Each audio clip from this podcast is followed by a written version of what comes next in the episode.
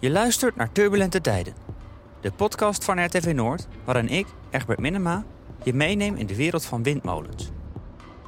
Is het de eerste keer dat je naar deze podcast luistert? Dan raad ik je aan om eerst aflevering 1 en 2 te luisteren. Want als je die gehoord hebt, dan begrijp je de verhaallijn van deze derde aflevering ook beter.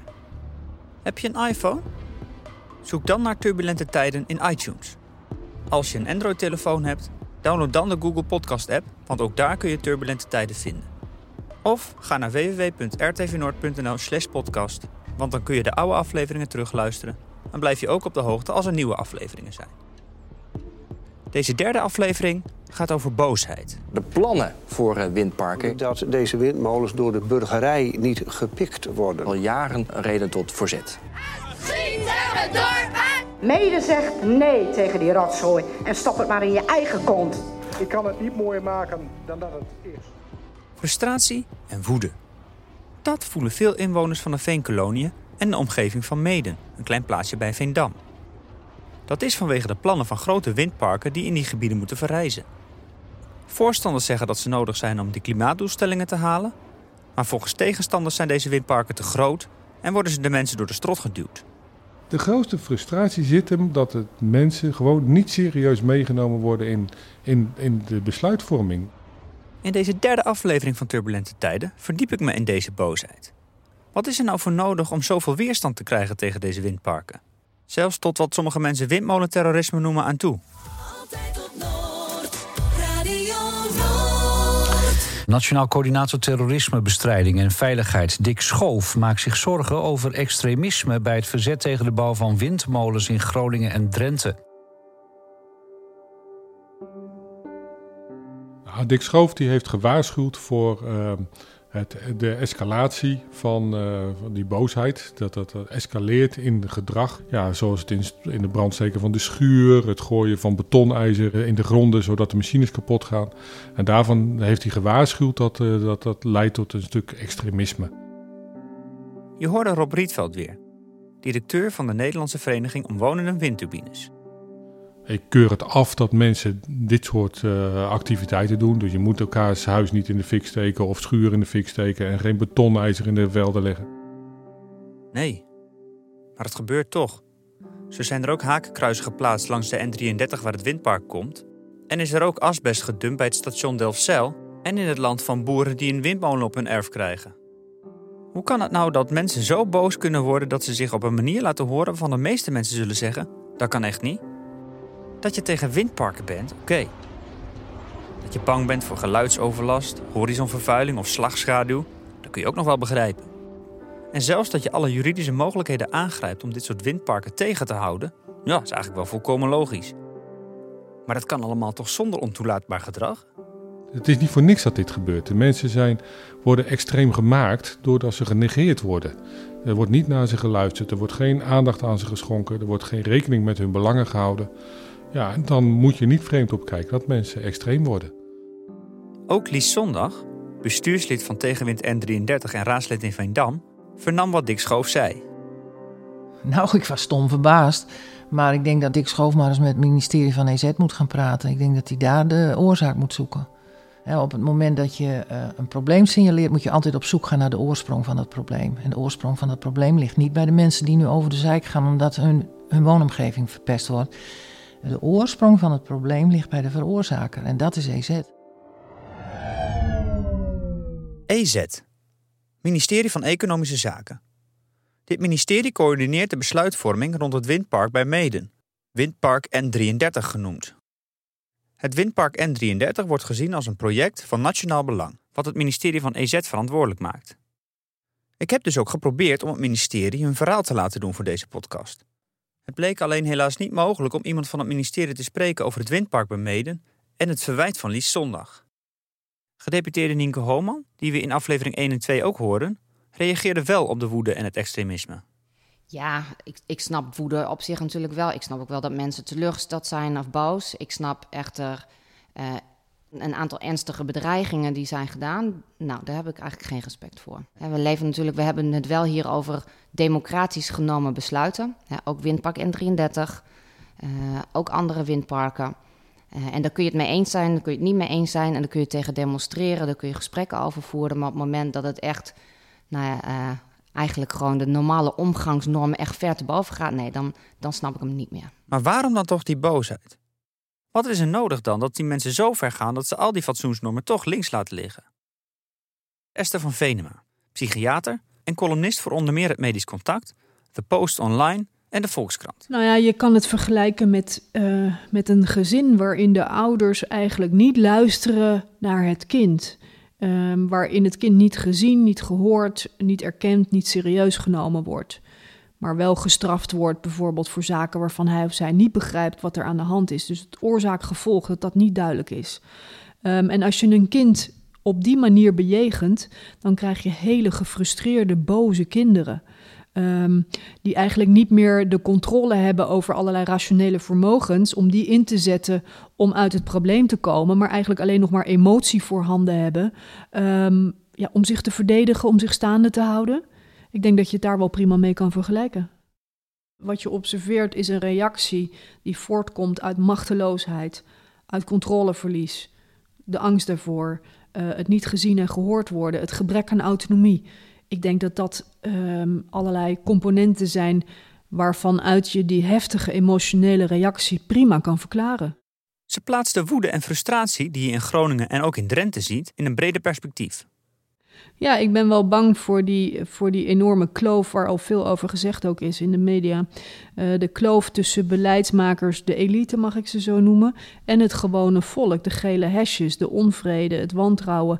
Ik denk dat als beleidsmakers, en zeker nu met die milieukwestie, als die zich niet committeren aan de gevoelens, aan de wensen, aan de overwegingen van de gewone man, wie dat ook mogen zijn, dat het risico op een verdere polarisatie, op een kloof in de samenleving, dat dat echt heel ernstig is. En uh, ik denk dat we dat niet moeten onderschatten. Um, kijk, want er wordt natuurlijk vanuit ja, beleidsmakers, de elite, de grachtengordel, Hilversum, hoe je het wil noemen, wordt er vaak wat denigrerend gedaan over het volk, over de gele hesjes, de tokkies, het populisme. En ik denk als je dat negeert, als je dat bagatelliseert of zelfs ridiculiseert, dat je daar als samenleving echt risico's mee loopt. Um, en ik denk dat, um, ja, wil je die kloof, wil je die, wil je die kunnen dichten, dan zal je moeten luisteren, dan zal je serieus moeten nemen. Dit geldt volgens Van Venema dus ook voor de windmolenproblematiek. Ik vraag me af wat de overheid hiermee doet. Wordt er bijvoorbeeld door de provincie met tegenstanders gesproken?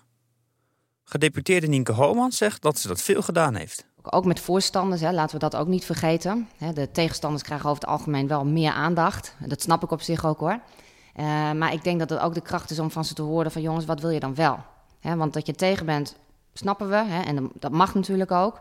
Uh, maar we hebben nog grote stappen te zetten in de energietransitie. Op welke manier zullen we dat dan wel doen?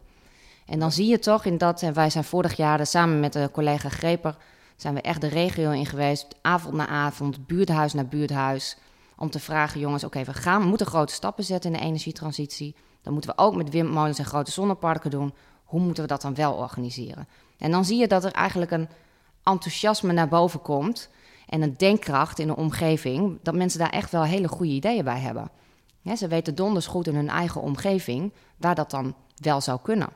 De eerste avond was volgens mij in Stadskanaal, dat weet nog heel goed. Nou, dat was dan best wel spannend. hoeveel mensen komen daar? Um, komen de voorstanders, tegenstanders? En dan zag je inderdaad dat ook een aantal mensen die nou, ook betrokken zijn bij de actiegroepen kwamen. En dat die eigenlijk direct zeiden: jongens, wij zijn niet tegen windmolens.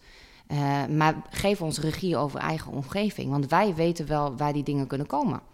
Hè, wij weten ook wel wat we ervoor terug willen. Dus je ziet echt wel dat, uh, nou, dat iedereen ook wel, of het algemeen de mensen ook echt wel doorhebben dat er iets moet gebeuren. Maar dat ze zeggen, uh, nou, strooi dat dan niet allemaal over ons uit, laat ons meedenken. Lies Zondag, die ook bij de bijeenkomst in Stadskanaal was, herkent de beleving van Nienke Homan niet. Ik vraag me af hoe ze dit soort bijeenkomsten dan wel heeft ervaren. Werd er inderdaad dialoog gevoerd? Nee, het zijn informatieavonden. Het is absoluut geen dialoog. Je wordt geïnformeerd, meer niet. En dat zijn dus de pasklare plannen, zoals ze voorgelegd worden. Die worden daar gewoon uh, gepresenteerd. Je mag honderd vragen stellen, maar je krijgt het antwoord dat er niets aan te veranderen is en dat het moet. Het is vastgelegd. Het is afgesproken. Het moet, het moet, het moet, het moet. Van eh, de Rijksoverheid, het moet van Brussel. Bij mij is nooit wat gevraagd, jou is nooit wat gevraagd. En, en in de Veenkolonie is nooit wat gevraagd. En op het moment dat de gemeenteraad iets gevraagd werd en die zei nee, toen ge- gingen we de Rijkscoördinatieregeling uit de grond stampen. En toen gingen die boeren met elkaar een groter park bedenken wat 100 megawatt werd. En toen hoefden ze gemeentes helemaal niet meer, eh, helemaal niet meer te vragen. Woede, frustratie, onmacht. Overduidelijk aanwezig. Ik weet dat het broeit. En in Mede, ja, daar is de boel wel zo vreselijk eh, uit de hand gelopen. Dat, eh, ja, ik, ik hoor daar ook berichten over van dat mensen zeggen van als die de molens hier komen, dan eh, gaat er brand erin en noem maar op. En ja, dat, dat klopt. Er zijn, zijn ook mensen, vooral toen, toen het ehm, in het heetst van de strijd, hè, toen al die procedures nog steeds met die infoavonden, gedeputeerden moesten onder politiebegeleiding naar buiten. Dat tekent de sfeer. Mensen zijn gewoon zo verschrikkelijk boos. Ik bedoel, als jij hier je woning hebt aan de rand van Mede, je kijkt over dat vrije veld. En er gaan nu, komen nu 27 windturbines van 200 meter hoog. Terwijl er voor die tijd een dorpsvisie lag, waarbij nog geen kippenhok op de horizon mocht verschijnen, want het was tegen de dorpsvisie. En nu word je even geconfronteerd met zo'n industrieterrein van... Dat, je kunt je voorstellen, die mensen zien de waarde van hun woning verdampen... en dat wordt categorisch ontkend. Hè, alsof iemand daar dan nog zou willen wonen. Als je als je, je huis wilt verkopen. En die, die, die voelen zich aan alle kanten gewoon, zeg maar eerlijk, gewoon genaaid. En dat begrijp ik. En wij hebben echt er alles aan gedaan om te zorgen, om te proberen om die bezorgdheid van die mensen ehm, bij de politiek te krijgen. Om te laten zien dat wij voor hun vechten. Maar wij, juist dat we daarin een, ja, in een kussen stompen, zeg maar. Hè, want je kunt heel hard slaan, maar als het niet aankomt, ja, dan ga je weer naar huis en dan heb je niets bereikt.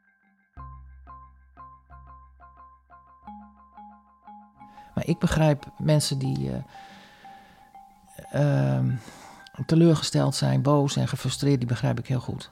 Heel goed.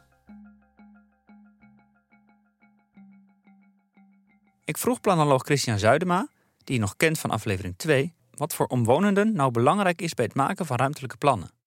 Hoe kun je die teleurstelling, boosheid en frustratie nou voorkomen? Het, het gaat volgens mij om erkenning. En erkenning zit hem erin dat op het moment dat er wordt gediscussieerd over moet hier een windmolenpark komen, dat je dan al onderdeel van het gesprek kunt zijn. En dat je niet alleen iets mag zeggen, maar dat het ook daadwerkelijk een rol kan spelen in het proces. Tweede deel van erkenning zit hem erin dat als jij een echt gesprek hebt over die windmolenparken, moet je het ook gaan hebben over de lusten en de lasten. Dus onder welke condities kan een bevolking in een bepaald gebied eventueel zeggen van, nou, ik ben niet per se tegen windmolens. Alleen, als het zomaar door mijn strot wordt geduwd, dan ben ik wel tegen. En als het zo gro grootschalig is, ben ik ook tegen. Maar er zijn bepaalde voorwaarden. Bijvoorbeeld als dat windmolenpark hier komt en de schaal is nog enigszins eh, fatsoenlijk. En hij leidt er ook toe dat bijvoorbeeld mijn woning beter geïsoleerd kan worden eh, omdat er een subsidiepot komt. Of omdat het dorpshuis open kan blijven of de school open kan blijven. Terwijl anders misschien mijn kinderen over drie jaar wel naar een ander eh, dorp hadden gemoeten. Dan is zo'n windmolen misschien best wel een aardig idee en dan wil ik hem wel accepteren. Oké, een boel informatie kwam langs. Even een samenvatting. Dus erkenning zit hem erin, punt 1, dat je mee mag praten. Maar punt 2, dat in dat gesprek van meepraten je ook een, een uitwisseling van voor- en nadelen hebt. En dat wil niet zeggen dat iedereen dan zomaar eh, zegt van, oh, dan wil ik ze wel. Er gaan er nog mensen zijn die zeggen van, ah, nee, ik wil het niet. Nou, dat mag. Uh, die mening hoort erbij. We zitten in een democratie, dus dan moet je die mening ook gewoon kunnen uiten. Er is een heel deel van de mensen die gaat zeggen van, nou, onder deze voorwaarden kan ik het accepteren. En een deel van de mensen zegt van, ja, doe maar. Nou, dan moet de politiek maar beslissen, vinden we het wel of niet. En dan moet je vanuit die inschatting van hoe dat gesprek is verlopen, wat daaruit komt, moet je een inschatting maken. Politiek moet toch een besluit nemen. Je kunt nooit iedereen tevreden stellen. Dus die tegenstander die zal blijven, die voorstander zal blijven en dan maak je die afweging. Maar dan maak je tenminste een afweging op basis van reële argumenten. Namelijk, er is een echt gesprek geweest en er is over voor- en nadelen gesproken en het heeft geleid tot condities waaronder dat windmolenpark eventueel gebouwd wordt. En dan zul je ook zien dat zelfs die tegenstander, die nog steeds tegen is, maar die gaat dan in ieder geval denken van, nou ja, oké, okay, hebben het er tenminste wel echt over gehad. En uiteindelijk heb ik niet mijn mening erdoor kunnen drukken. Het, is de mening van anderen geweest die erdoor is gegaan. Maar het is niet zo dat wij als gemeenschap in ons geheel, dat onze mening er helemaal niet toe deed. En dat het dus uiteindelijk van bovenaf kwam en het wordt er gewoon doorgedrukt. Dus het gaat er op zijn minst om dat je die erkenning organiseert. En ik denk dat dat echt mis is gegaan. Dat ziet gedeputeerde Nienke Holman ook zo. De plannen zoals ze nu zijn gemaakt, hè, heel veel mensen daar zeggen ook... we zijn niet tegen windmolens, maar de manier waarop het gegaan is vinden wij niet netjes. Nou, wij zeggen nu, hè, terugkijkend, we zouden het ook echt anders doen... als dat we het in die tijd hebben gedaan. En laten we wel wezen, we hebben ook nog hele grote stappen te zetten. Dus we weten ook gewoon in Groningen, voor ons eigen gebruik... hebben we echt ook gewoon nog windmolens nodig. Maar dat gaan we dan wel op een andere manier organiseren. Dus ook de kans voor de mensen om dan te komen zeggen wat ze wel willen. Hoe zou dat dan kunnen? Wat is daarvoor nodig? Is er een goed voorbeeld van? Dat hoor je in aflevering 4.